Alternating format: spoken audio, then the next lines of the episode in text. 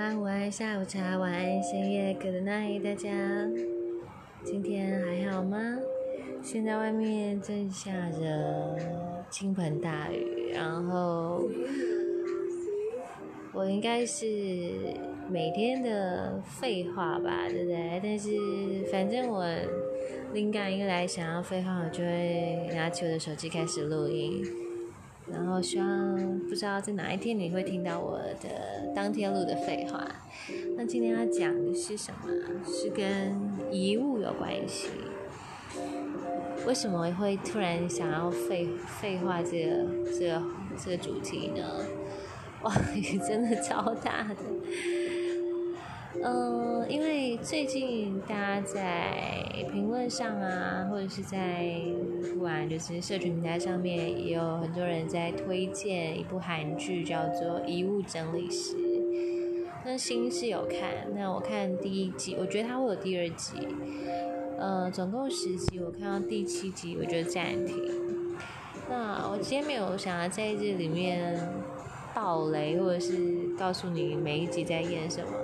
总之，他就是一个，就是一个单亲爸爸。那个单亲爸爸，呃，就他的太太生病很早就过世了，然后他就抚养一个小孩。那小孩已经长大二十岁，但他还是需要有人照顾，因为他是患有亚斯伯格症，嗯，社交能力比较没有办法像正常人一般啊。那他们就经营了一个叫做 Move to Heaven 遗物整理师的一个工作室，所以他们就是接 case 去处理，呃，客户请托他们，请托他们，呃，去整理过世的人的遗物。那有些是，呃。没有亲人，就是可能房东啊，或者是邻居叫他们去清。那有的是太痛苦了，无法整理自己亲人的遗物。总之，每一集都会有一个故事，呃，故事轴线在。那每一集要给大家去思考跟去反省的。的议题都有一点点的不同。那几度我也是看了一些片段，或者是被一些场景给感动，或者是难过，然后就跟着哭这样。但我没有看完，所以如果你有兴趣的话，也可以去找一下那个最近蛮蛮多人讨论的一部韩剧，叫做《遗物管理师》。那就从这个。嗯，韩剧得到灵感，我就是在想啊，我就环顾我的，我我我自己身边的东西。好，如果哪一天我就这样突然突然消失了，突然好，突然不要说消失那么文言啊，就突然死掉了啊，可能是意外或者是生病，反正总之就是死了。那我。可能来不及准备，来不及准备，我就离开这个人世间。那我剩下的东西，我剩下的东西，到底对于这个世界，还有我生生命中的家人朋友来说，会是什么呢？嗯，在遗物整理师里面。每一集他们都会把往生的人的东西收拾，那大部分都是丢掉嘛，会请一个合作的搬家公公司，就是一个叔叔大叔来帮忙处理。那那这个男主角，呃，韩可鲁，韩可鲁他就会准备一个黄色的箱子，然后里面他会他会他跟他爸爸以前合作的。经验就是他们会透过这些遗物去还原、去想象这个往生者到底是什么样的人，然后就会把他们啊，比如说这个工作的证照啊、护照啊、他秘密信件、他的存折、他的手机，就放在一个盒子里面，然后交给他的家人。如果他有家人可以请托的话。那其他东西啊，棉被啊、家具啊，那些在他们嗯检视过之后，就把它当当做可以处理掉的物品就处理掉。那我就在想啊，我就看那个盒子，我就我就有好几个想法出来，就是，哎，一个人的一生，最后最后就在一个比鞋盒再大一点。大概是，应该就是，如果有人被 fire 掉，就提着那种大箱子，也没到很大，就是可以手捧着那种箱子的的大小。你你一个人的一生，你在这个世界上留下来的的的足迹的记忆，就容纳在一个箱子里面，会是什么呢？那我我的东西会被装进这个里面，会是什么呢？那如果韩克鲁他来整理我居住的地方，我的家，他会把什么东西放在这里面，好让想念我的人，或者是让这个世人记记着我是谁。然后就想说，天哪，我就是没有什么东西可以放。然后还是还是就是我留下来的，到底是别人认为这是垃圾，还是别人会把它当做是很。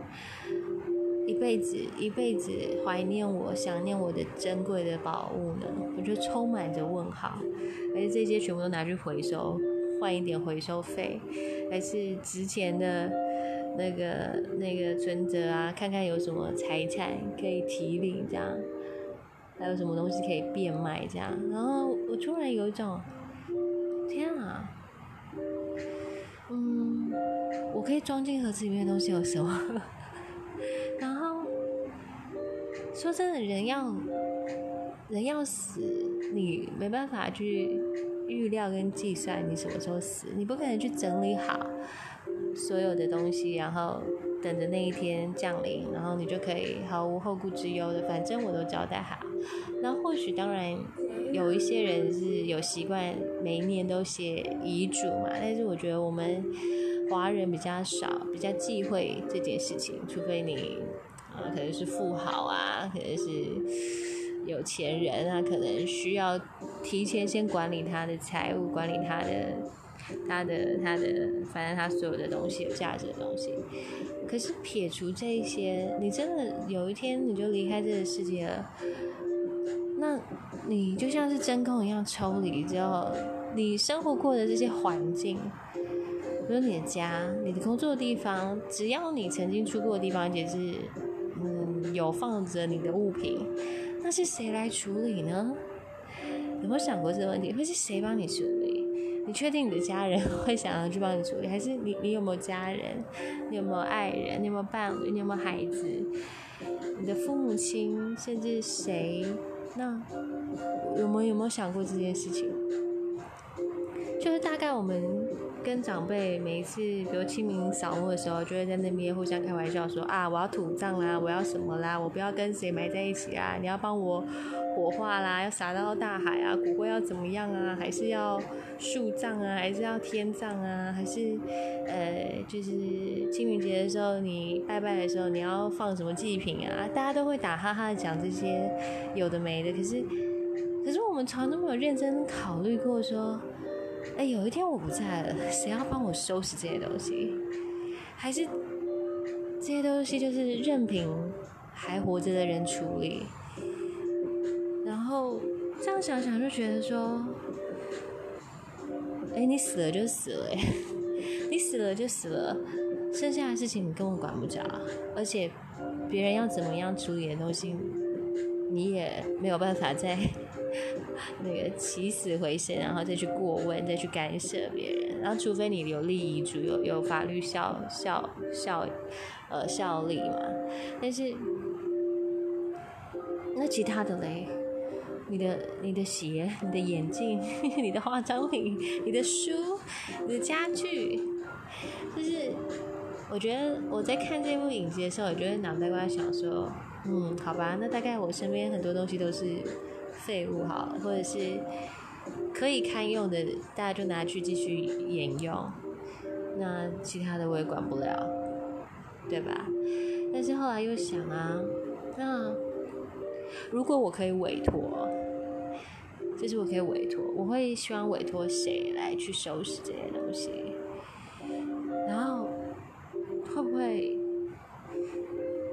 就是翻啊翻啊 翻啊，找到一些好玩的东东，就令人傻眼的东东这样。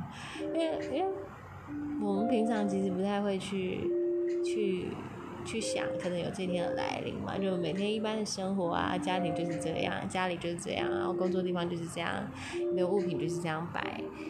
可是或许你你可能在这中间有放了些什么，那对某些人来说，那是一个特别有意义的东西，或者是你保存了，对对你还在世的时候来讲是很珍贵的回忆或是片段。嗯，所以我我觉得这是我突然想到的，就是如果哪一天我就这样秀不见了。我这一团糟的，我留下来这一团糟，到底对别人来说是乐色还是是宝藏？然后，然后我觉得在这部这部剧里面有提到很多很棒的想法。那其中有一个我现在还记得的话是，嗯，眼睛看不到的不一定。不存在，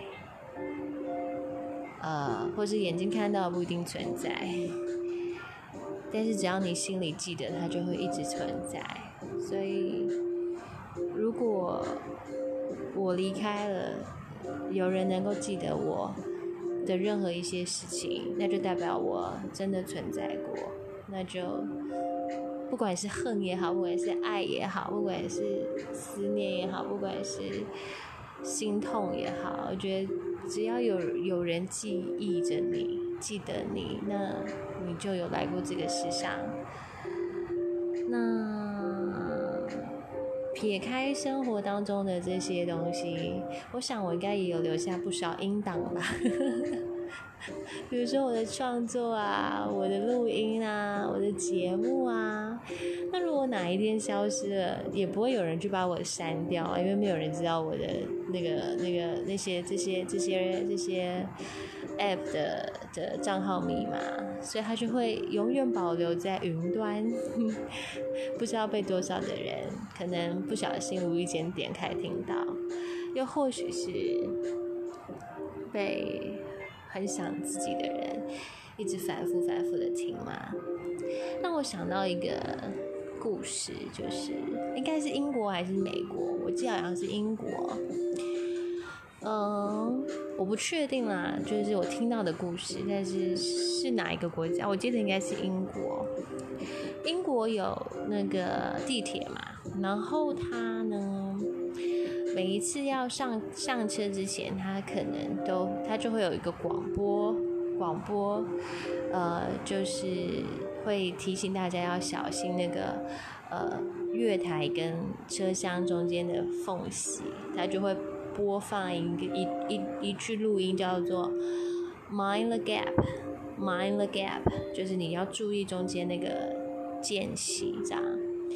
那据说那一段录音是一个，呃，老先生嘛，我记得的故事啊。那如果讲错的话，就请大家原谅。就老先生录的录音，他可能是在那个地铁公司工作的。然后他有一天他就过世了，然后他的太太就很想念他，所以他就会去车站，就会去特别听。他先生录的那一段音，就是 mind the gap，这这一段录音，然后去怀念他先生，就去听他的声音，去想想他先生生前的样子等等。那后来好像，嗯，后来好像因为公司内部的问题还是怎样，那样那个录音档就要再更新。然后有一天呢，这老太太呢，她就去捷运，呃，就是去地铁，她要听到这个录音档，她就发现那个录音档不是他过世先生的声音了，他就很难过。然后他就应该是去问，还是有人知道这个故事，就后来就去帮他找回那个录音档。就把它保存下来，转交给他。所以呢，我记得应该是在英国，就是那里有一个很感人的，应该是说爱情故事，就是《Mind the Gap》这这个爱情故事。那我为什么突然这样想？就是至少至少他有留下一些什么，不是照片，不是一些比如说戒指啊、定情戒指啊、定情物啊、什么什么物体啊，比如说他的衣服啊、他最喜欢的味道等等的，而是那个可以让人还能够觉得他还在身边的一段话跟。一个音频跟他的声音，所以，嗯，这样讲有点有点太过浪漫，或者是太恶心了。可是我觉得有时候我想，如果我离开了，永远离开这个世界上，我除了留下文字的创作之外，还好我有留下我声音的的的档案。真的会想想念我的人，还有办法在云端的云端的某个地方可以找得到我的声音，所以这样好像我留下了的东西，应该也不能全然是变成要丢掉或回收的垃圾。那这会不会对于？其他人来说是一个宝物呢，我也不知道。所以啊，今天的废话碎念呢，其实没有那么好笑，只是我透过一个呃韩剧的那个主题，这个韩剧的故事，衍生来思考，到底我们存在在这个世上，无论多久，我们留下了些什么，而。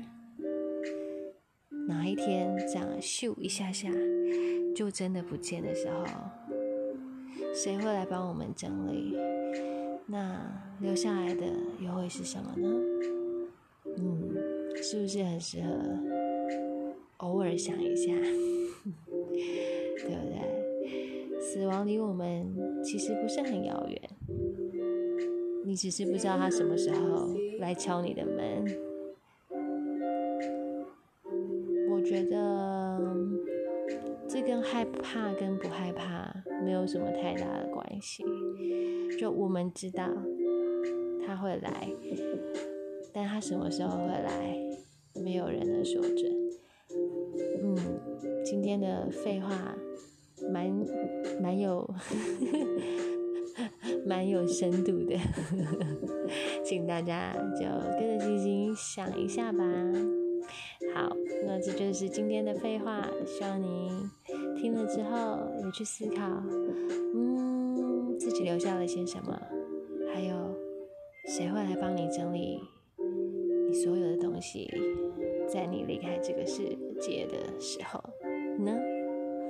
好，我是星星。如果你喜欢我的声音，喜欢我的节目，喜欢我的废话碎念，喜欢我带给你们不同思考的主题和议题的话，都欢迎你继续锁定我的节目，给我小心点。在各大的 podcast 平台都可以搜寻得到哦，Google Podcast、Anchor、Apple Podcast，还有 Spotify，还有其他平平台都可以。听到我的声音跟关注我的消息，如果你有什么想法想要跟我分享的话，都可以写信给我，或是到 Instagram 上面留言跟我做互动哦。那我们废话就明天见啦，拜拜。